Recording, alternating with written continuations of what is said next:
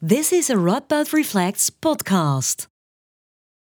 Welcome to this Radboud Reflects lecture, The Truth About Power. I am Simon Gusman, philosopher at Radboud University, and it's a pleasure for me to introduce uh, organization scientist Julie Battilana, uh, who will be talking about uh, her book, Power for All, uh, recently translated into Dutch as uh, De Waarheid over Macht. She is a uh, uh, organizational scientist, uh, professor at the Harvard Business School, uh, and um, she will give a lecture of 45 minutes, and then there will be room for questions from the live audience. Julie Battilana, thank you for being here. And uh, hi, Simon. Delighted to be here. Thank you for having me.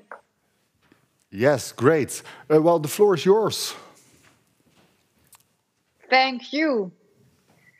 So I prepared a few slides that I'll be sharing with you. Perfect, wonderful. So I'm assuming you can you can see all of a sudden. So uh, Simon mentioned, um, together with my dear friend and colleague Tiziana Casciaro, uh, we published this book, Power for All, that uh, recently also came out in the Netherlands. And, and, I'm delighted to have the opportunity to spend some time with you today to tell you more about the book, our motivation for writing it.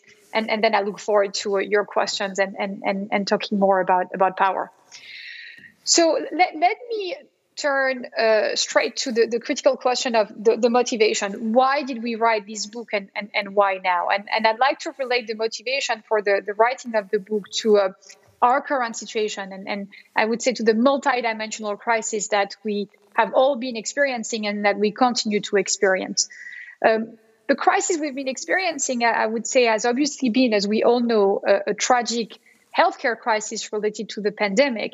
But this is not the only crisis we've been dealing with over the past few years, and I should say for some of the crises I'm about to talk about for the, the past decades. So, in addition to this healthcare crisis, as we all know, we've also been dealing with an economic and social crisis characterized by the rise of inequalities. And, and some of these uh, inequalities have actually touched some categories of population more than others. Now, on top of this crisis, we've also been experiencing, and now for quite some time, an environmental crisis that's becoming more acute by the day. Uh, in fact, as, as, as, you all know, uh, a couple of weeks ago, uh, a, a, new report came out where scientists are warning us yet again, making it clear that some of the damages related to climate change may actually be irreversible. So it is urgent that we take action, and, and it is going becoming more and more urgent by the minute. Now, in addition to this healthcare crisis, the social and economic crisis, and the environmental crisis, we've also been experiencing uh, a political crisis. And I say a political crisis because, and we know it, it's now well documented, this is the 16th year in a row that democracy has been declining across the globe. It is estimated that less than 20% of the people on this planet live in completely free countries. Uh, and, and so this erosion of democracy, the fact that democracy is under threat, uh, is something that's pretty obvious to all of us when we look around. I'm talking to you from Boston today in the in the United States, and uh, in the United States last year in, in January, the attack on the Capitol was yet another reminder that yes, democracy is fragile and, and yes, it is under attack, including within well established democracies. And if we think about the tragic situation in Ukraine at the moment with the Russian invasion of Ukraine, Yet, this is again another reminder of the fact that uh, democracies are under threat and, and that they, they've been declining across the globe while authoritarianism has been rising. So, if we think about this multidimensional crisis, I think it's pretty clear to all of us that uh, change is needed. What we need to do is to change our social, our economic, and our political systems if we want to be able to create a society that's going to be greener, that's going to be fairer, and that's going to be more democratic. Now, if we want for any of these changes to happen, what do we need? Well, I'll tell you that ultimately what we need then is power. Because what is power? Power is the ability of an individual or a group of individuals to influence other people's behavior. So, if we want to be able to change our social, economic, political systems to make them greener, fairer, and more democratic, we need the power to make such changes happen. Now, this is a definition of power, but this is not an explanation. Right. The next question becomes fine, but then where does that power that we need come from? And this is a question that uh, I've asked many, many people over the past 20 years. Um, this is a question I've asked people from all walks of life, not only my students on the various campuses where I've been teaching in uh, uh across the world, but this is also a question I've asked uh, people who've come to me for advice and people I had the, the privilege of meeting as I was conducting my research uh, across the world on, on, on social change. And so I talked to highly educated people, people who never had a chance to go to school, but were having this incredible impact on the lives of their community, older people, younger people, always asking that same question. And I have to tell you that I've come to worry a lot about the answers I've been getting to that critical question of knowing where does power come from. And why am I telling you that I've come to worry a lot about the answers? Because I've come to realize that people tend to have deep misconceptions in mind when it comes to understanding power, what it is, and how it works. In the book with Tiziana, in the introduction, we actually present these misconceptions. And we distinguish between three main misconceptions that we've come to identify through our work over time. The first misconception that people often have in mind is this idea that somehow power would be a possession. And so quite often people come to me and, and here is the question they ask me. They they say, Julie, you, you study power, you've been teaching about power, you've actually been studying the politics of change in organizations and in society. So can you please give us the list? I was initially quite puzzled by people asking me about the list because the, the reaction I had was the list of what?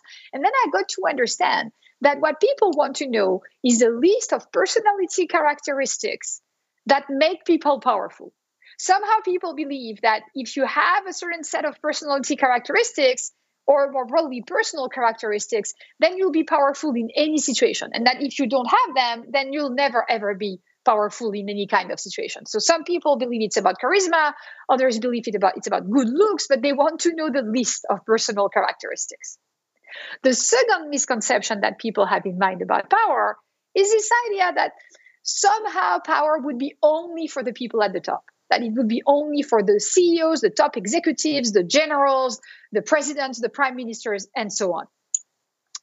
And the third, and probably the most widespread misconception about power, is this idea that power is dirty. So now, if you put all three misconceptions together, what you come to realize is the following. What people would very often tell me is, you know what, Julie, I don't think I have the personality characteristics. And anyway, I am not one of the people at the top, but good for me, because at least I'm not getting my hands dirty. And so Tiziana and I, my co-author on that book, together we've come to worry a lot about these misconceptions. And why is it that we've come to worry a lot about them? Because they have very serious implications for all of us individually and collectively. Individually, what we see in our research is that uh, when people have these misconceptions in mind, they want to still have impact in their organizations, in their community, or more broadly in society, but yet they get frustrated because they're not able to have the kind of impact that they want to have. And what happens quite often when people get frustrated is that they turn their back on power. They leave it to others to decide for them. And that's when we collectively really can get in trouble. Why?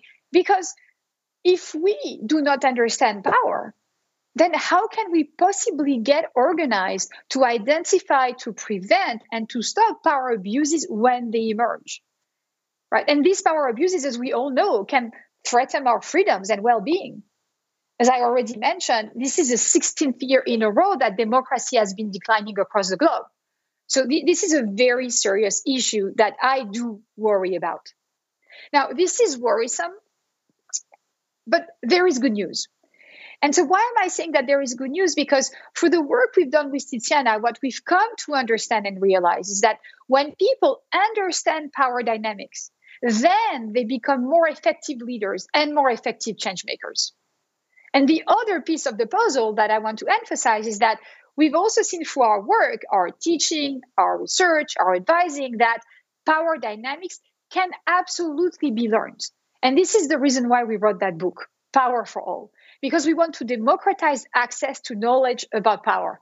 Uh, more than 500 years ago now, uh, the very well known essay, The Prince, written by Machiavelli, uh, more than 500 years ago, that's when the essay was actually published. And, and as you know, Machiavelli wrote this essay about power for a prince. And so our approach to the writing of this book was to write it for all. We were not writing this book only for those in power. We were writing this book for everyone, including those who've been excluded from power for a long time, with again the objective of democratizing access to knowledge about power, because we know that when that happens, people become more effective. And we believe it's more important than ever to give those tools to everyone at a time when we have to change our social, our economic, and our political systems. So let me just uh, give you a little bit more information about the book so that we you you, you better understand uh, how we, we thought about it and, and, and the kind of approach we had in writing it. It is an academically researched book that we wrote for the general public. So the purpose for us with that book is to really help our readers uncover the, the fundamentals of power across all three levels of analysis the interpersonal level of analysis, the organizational, and the societal. And we explain why it is so critical to understand power at all three levels if you want to understand power in your life. Uh, the other key thing I want to mention in terms of our approach is that uh, in the book, we're building on our own research in organizational behavior, in sociology, and in social psychology. But not only, we're also building on research on power and the politics of change across academic fields, including sociology, management, economics, philosophy, social psychology, political science, history, and law Right. other aspect of the, the book I wanted to mention is that uh, in the writing of the book, in the process of writing it, uh, we wanted to give life to all of our research and all of the amazing research produced on power and the politics of change across academic fields. So we conducted more than 100 interviews with people across the globe with very, very different paths to and through power. And we're using some of their stories in the book to actually give life to the principles, to the mechanisms that we explain. And I'm going to tell uh, you uh, some of what we've learned through these interviews, and I'll be sharing some of these stories with you during the presentation today. Um, and then uh, importantly, as I said, this is a book for a general audience, but if any one of you actually wants to go and check the research and go deeper, we have a long list of more than 500 notes there that are available for researchers, uh, for students, for instructors, and for whoever is curious about the academic research that's behind everything we're explaining in the book. You can also read the book without turning to those footnotes. So now I'm going back to the question I asked, which is where does power come from? And so, uh, what we do in chapter one of the book is uh, that we address that question. That's kind of where we start. We explain to our readers where power comes from. And that's what we call the fundamentals of power. So I'm going to make a big statement now. I'll tell you that the fundamentals of power were the same thousands of years ago when human beings were getting organized to live, live together on this planet. And I'm willing to sign a document now saying that they will remain the same for as long as there will be human beings on this planet, uh, assuming that we get our act together and we're able to save our planet. So, what are the fundamentals of power? Here we go. Where does power come from? Power resides in control over access to valued resources. This is simple but critically important, so bear with me. What does that mean? Uh, it means that you have power over me if you control access to resources that I need and want. Right? But then, in the meantime, I can also have power over you, and I have power over you if I control access to resources that you need and want. Let me give you a simple example. It could be that uh, you actually control access to a budget that I absolutely need to be able to complete the project I'm working on. And if so, you certainly have some power over me. But in the meantime, it could be that I'm connected to someone who you absolutely need to talk to if you want to finish the project you're working on. And if I happen to be one of the very few people in your network, or maybe even the only person in your network who's connected to that person, then I also have some power over you. So, what is it that you understand once you understand the fundamentals of power? You get to understand that power is always relative, right? It's always relational. It could be that uh, I don't have much power over you today, but it doesn't mean it's going to remain the same for the rest of eternity. It could actually change tomorrow, or it could be that I have a lot of power today, but you know I, I may lose some of that power depending on what happens tomorrow. And conversely, it could be that maybe you have a lot of power over me today, but it will change tomorrow, or it could be that you have no power over me today, but you know the situation may be very different tomorrow. So let me illustrate that with one of the stories that we share uh, in the book. I'd like you to meet uh, nezuma Njube. so nezuma is one of these people we interviewed in the process of writing the book. Uh, Nezuma lives in Tanzania in a remote rural community. And I vividly remember the first time I interviewed Nezuma. She told me that uh, her dream as she was growing up in her community was to become a teacher. She also explained that she never had the opportunity to go to school. And then I asked her a question about her power in her community.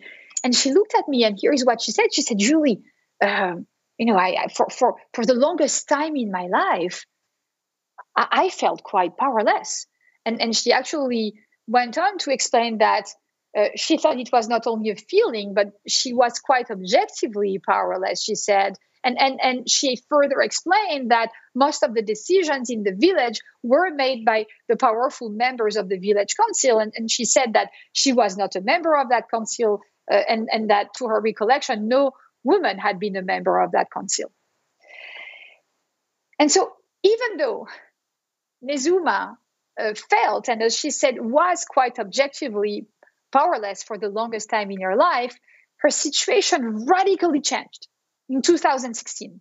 She went from feeling and being quite powerless to becoming one of the most powerful members of the community. In fact, she became so powerful that later on, she was invited to join the village council and she became the first woman to be on that village council. And she's now very proud to be representing the interest of women on that village council. So, how could that happen?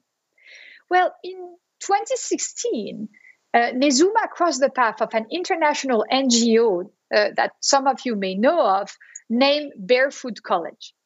Uh, Barefoot College has developed a truly innovative program uh, that enables women across the global south to become solar engineers through learning by doing and peer to peer learning, even when they are illiterate. So representatives of Barefoot College visited Nezuma's community. Uh, and here is what they said. They said they were looking for a volunteer who would come and study with them for five months. Uh, they would have to be uh, traveling to the city and stay there for five months to study. And uh, after those five months, if the person uh, completed the program, then the person would be given the whole necessary equipment to come and electrify the community. Uh, at that point, the members of the village council were truly excited about this opportunity. They knew how much the com- community members, the villagers, actually needed access to reliable electricity. Uh, so uh, they turned to the villagers and said that you know they needed to volunteer, and so that's when men raised their hands, and that's when the representatives of Barefoot College explained that it would have to be a woman.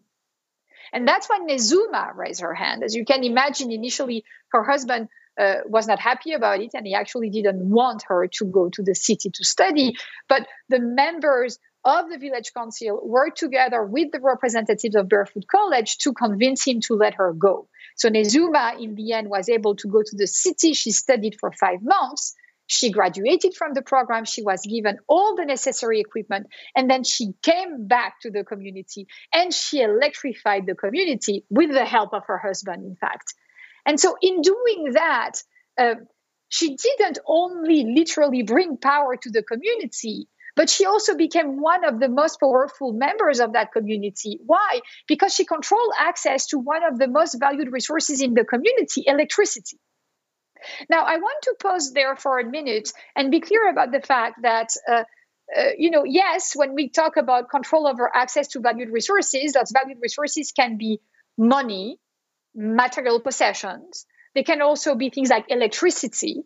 But it is important to note that we human beings value all these things, but those are not the only things we value. We also value psychological resources, uh, such as uh, achievement, status, autonomy, affiliation, and morality. Right. And those can be sources of power as well. Think about the iconic change makers that we often talk about. Think about uh, Mandela, Gandhi, Martin Luther King, more recently Malala Yousafzai or Greta Thunberg. What do they have in common? They've been standing for important moral values that some of us want to be associated with, and that has been given them the power to rally people behind them and behind the causes that they're fighting for. Right. So the valued resources are not only material possessions or money uh, or electricity, they can be psychological resources as well. So now that we understand the fundamentals of power, we are fully equipped to debunk the fallacies about power. And what's important for me here is that we're equipped to debunk them for ourselves, but it is also our responsibility uh, as you know citizens, as members of our organizations, to help others debunk these fallacies. So now it's pretty clear, and, and we saw that with the example of Nezuma, that no, power is not a possession; it's always relative. Think about it. Nezuma had no real power. Then she gained a skill. In that case, she became a solar engineer, and that skill gave her power in the context of her village. Like if she had gained the same skill and had actually been living in a city that was completely electrified, that wouldn't have been the same kind of source of power. Right? So power is never a possession, it is always relative. The other thing that we can start understanding through the example of Nezuma uh, is that power is not only for the people at the top. When Nezuma uh, came back to our community after she went through the program and when she electrified the community, uh, she was not yet a member of the village council. She didn't have that authority, but she had a great deal of power. And she was then later asked to become a member of the village council. Now, you're getting the French accent, right, through uh, that presentation. I, I am not a pure Bostonian, although I'm talking to you from Boston today. I'm, I'm a French American Bostonian. And so I had to take you to France at least once in the time we have together. And so uh, as, as we talk more about the difference between authority and power, I'd like to tell you about uh, a study that was conducted in France in the 1950s. At the time, a group of French researchers, a group of sociologists, um, wanted to better understand the factors that were affecting the productivity of workers on the floor of factories. So, what did they do? They decided to go and study uh, an organization called La SEITA at the time. La SEITA produced cigarettes. And so on the day they started their research, they actually met with the top management of La SEITA. They asked them to share the organizational chart of the organization with them. And then they went on to do what we researchers in organizational uh, studies often do like they, they, they went to observe what was happening on the floor of the factory and they conducted interviews. And so as they observed for, for a few days they were very puzzled by what they observed. In fact they were so puzzled that they asked to meet with the top management again. And so here is what they said to the top management after those first few days of observation. They said to those top managers we believe you gave us the wrong organizational chart. Could you please give us the right organizational chart? As you can imagine, the top management was pretty annoyed. They only had one organizational chart, and they were very clear about the fact that they have given the right organizational chart. So uh, that's when the researchers explained that to them it didn't make any sense. And why did they say it didn't make any sense? They said it didn't make any sense because, uh, according to the organizational chart, the the the workers on the floor of the factory were reporting to foremen, who were reporting to middle managers, who were reporting to top managers. And yet, anytime a top manager, a middle manager, or even a foreman would come on the floor of the factory and ask the workers to do something, the workers didn't seem to care that much. But when a maintenance worker in charge of repairing machines came to the floor of the factory and asked the workers to do something, they immediately complied. Now, that was puzzling because the maintenance workers were as low in the hierarchy as the workers themselves. So it, seemed like the most powerful people in this organization were the lowest in the hierarchy. How was this possible? Well, the researchers went back to the organize the floor of you know the factory, and after a few more days, they finally understood. They understood that uh, the machines on the floor at that factory had a bad tendency to break. And the workers were paid depending on the units they produced every day. And so the maintenance workers controlled access to one of the most valued resources in this organization, a machine that worked. And their attitude, by the way, was not ethical in the sense that they were aware as to where their power came from, and they were very careful not to share any information with anyone in the organization regarding how to fix machines. Now, why is it that I wanted to share this story with you? Uh, I wanted to share it with you because uh, it is critical to be aware of using the organizational chart to identify who has power and who doesn't in an organization. What the organizational chart tells you uh, is just, you know, who has authority. And authority is a formal right to give orders and commands. Right. So certainly here, Martin Luther on that organizational chart is a CEO, right? And so he has the authority that comes with that formal position. And in some situation, having authority can give you great power, right? Some environments, especially very hierarchical ones, in some kinds of national cultures that are title cultures, your position of authority can be a great source of power.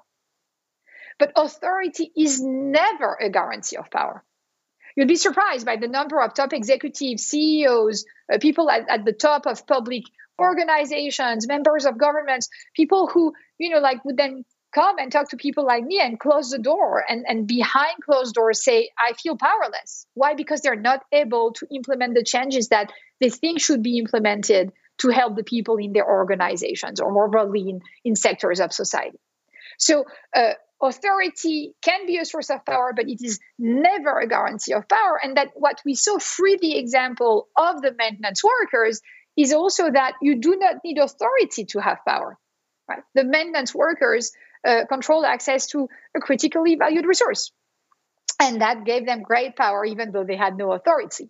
In fact, in our research with Tiziana, and we talk about that in detail in, in chapter four of the book, we've been asking the following question Who are the most effective change makers? And what is it that we found for our research? We found that uh, the most effective change makers tend to be the people who are central in the network of their organization or in the network of the sector of society they're trying to change. What does it mean? You're central in the network if you are one of the people to whom others go to for advice. The people to whom others go for advice have a huge advantage when it comes to implementing change. Why? Because they are the people others trust, and trust is a huge conduit of influence. So now I hope you better understand why I'm sort of saying no, power is not only for the people at the top, it is potentially for all. And last but not least, we still need to debunk the final fallacy, the one that's the most widespread this idea that somehow power is dirty. But if you think about it, power is not dirty. It is the energy you need to get anything done. So the dirtiness, if anywhere, is not in power itself, it's in us. So here is what we have to say. And this is something we detail in chapter two of the book. Uh, yes, power can be dirty, but it doesn't have to be. Why am I saying that it can be dirty? Well, I think we all know that from our experiences, from history, and we also know that from the very rich body of research now in social psychology that's looking at power and what it does to human psychology. Power can poison us. And I want to be clear it can poison all of us. No one is immune to that danger. Why so? Because power has two very insidious effects on our human psychology. Uh, what does it do to us? Two critical things that have been well documented. The first thing is that when we are in positions of power for some time, that when we start thinking that we deserve to be there, you know, we're so much better than others, that's when we develop a sense of invincibility. This is a very well documented trap of hubris.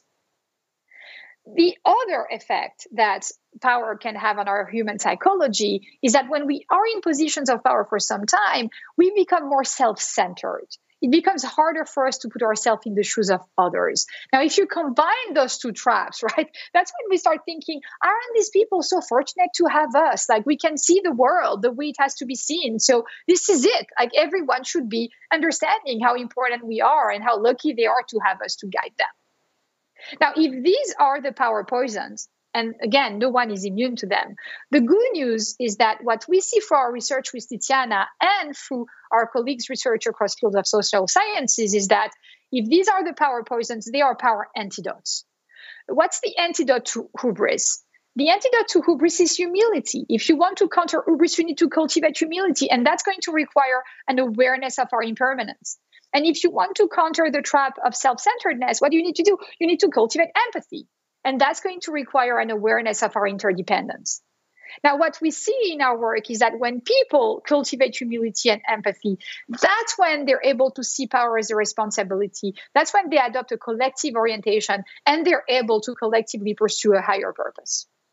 Now, if I were to stop here, you would probably tell me I'm incredibly naive, and you're absolutely right, because we cannot count only on us to counter the power poisons, right?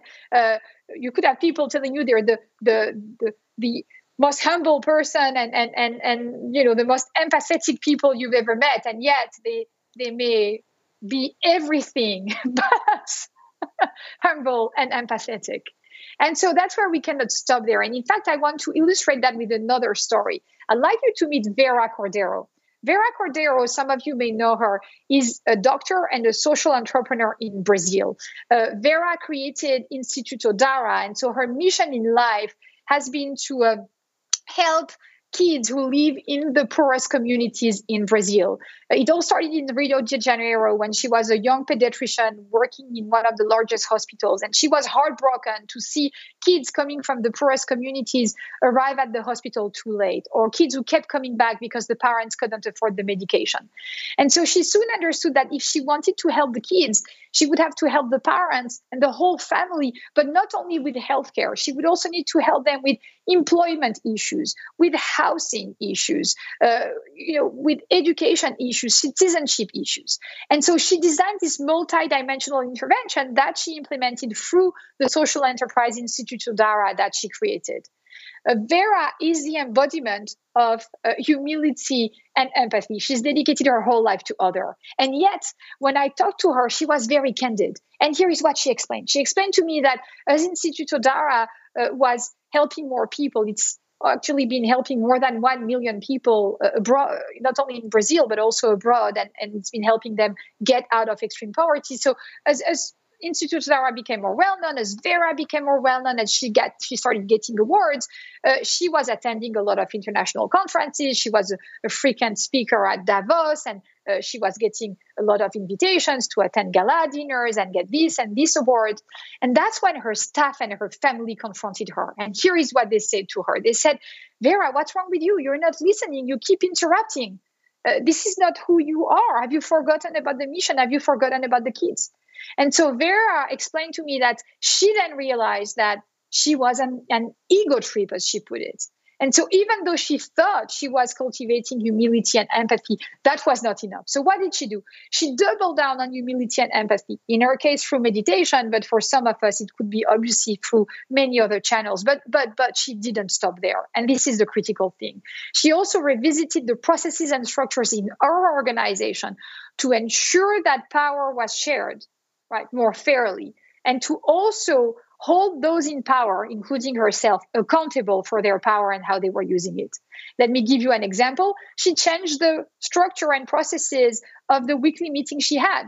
Uh, instead of being the first to speak, uh, it was decided that she would be the last one to speak and that everyone would have the same amount of time to speak and that they would rotate the order of who would be speaking before she would. And if she interrupted anyone, she was actually asked to shut up. So, why is it that I wanted to debunk these fallacies? Because I'm hoping that that can help those of you who are still dealing with these fallacies get rid of them once and for all. And for those of you who are fortunate to not be dealing with them, you need tools to be able to help others debunk the fallacies. Why is it so critical? Because once you debunk the fallacies, there's so much you can do. Uh, you can now understand what power is and how it works. And so it means you'll be able to map the political landscape anywhere and understand anywhere who has power and who doesn't. There are only two questions you need to ask What do people value? And who controls access to the valued resources? If you ask these two questions systematically, you'll get to understand who has power and who doesn't. And importantly, once you understand the fundamentals of power, you can also better assess your own sources of power, the channels through which you can access the valued resources in different environments. Now, that being said, the truth is that one question remains. And this is what I want to end with today. If power is not a possession, right, and if it's not only for the people at the top, then why do we see it so often steadily accrue to some groups while continually eluding others? Well, This is because power is sticky and relationships do not happen in a vacuum.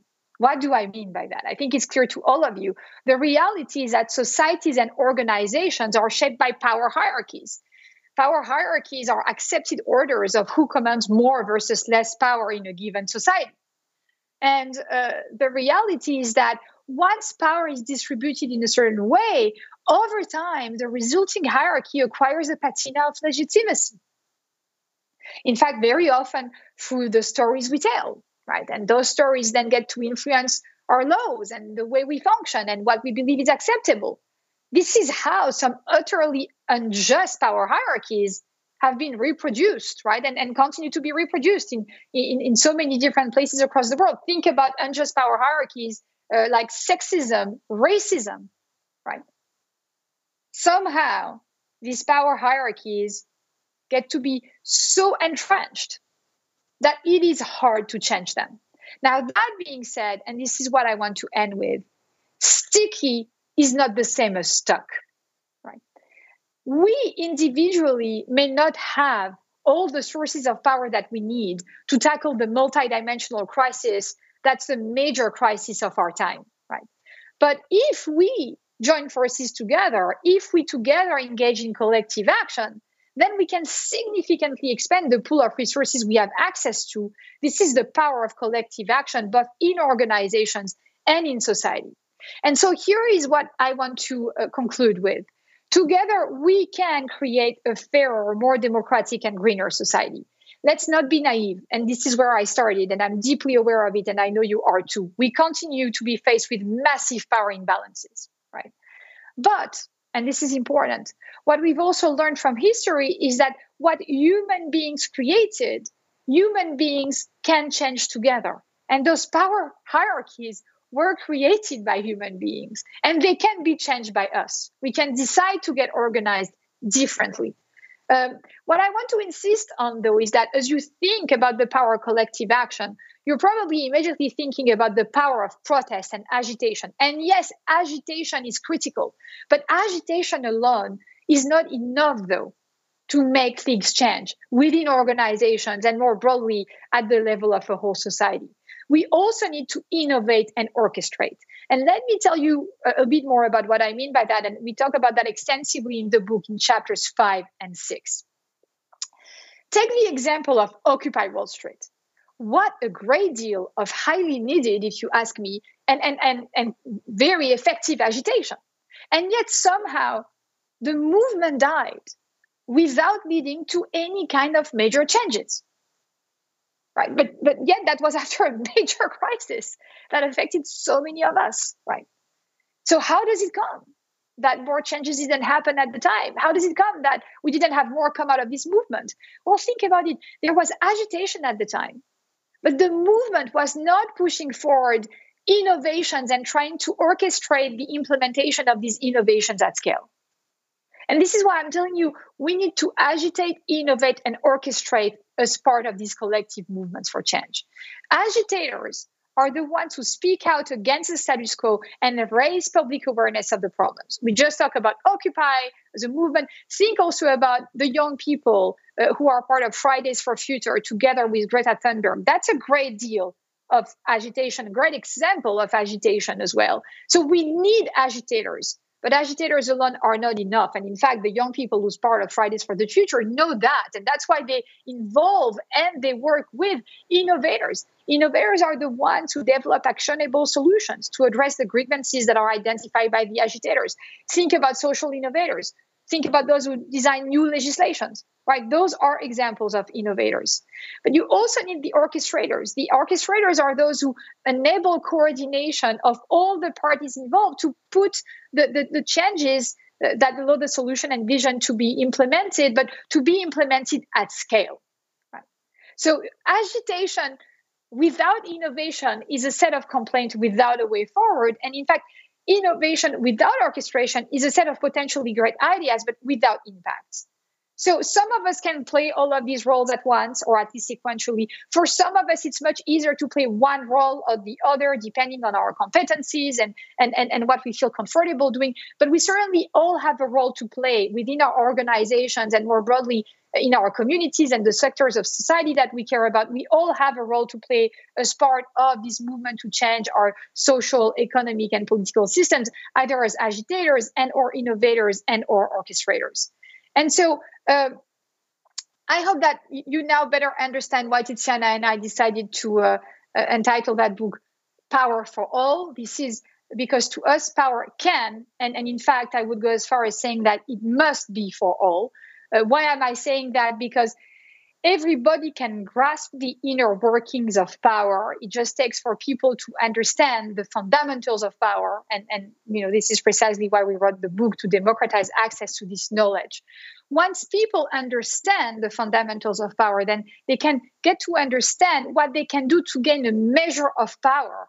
Now, we're not naive, obviously. Again, the, the power hierarchies that exist, they enable some of us and they constrain some of us depending on who we are and what category of people we belong to and, and where we are on those various power hierarchies in society. Now, that being said, again, alone we may not be able to disrupt unjust power hierarchies, but if we join forces together, there's a lot we can do. We've learned that from history, and we've again seen that recently if you think about movements like uh, you know, Black Lives Matter or, uh, or, or, or, the Me Too movement.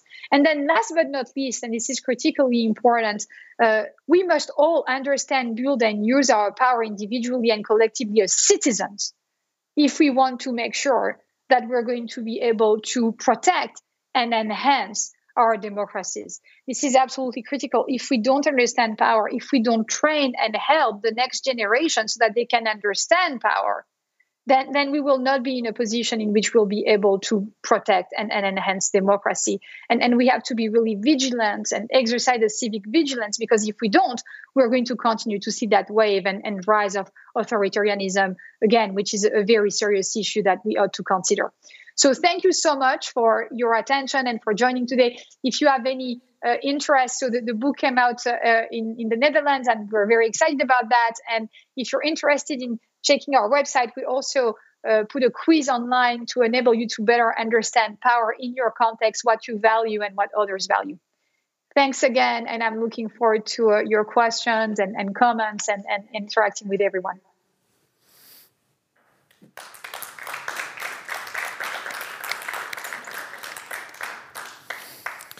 Uh, thank you, Professor Battilana, for your very clear and rich uh, lecture.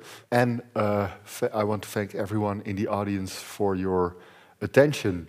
Uh, once again, the book, both in its original English and in its Dutch translation, uh, can be bought upstairs for those of you who are interested. Many thanks. Thank you so much. I wish I could be with you in person. Thanks again. Mm.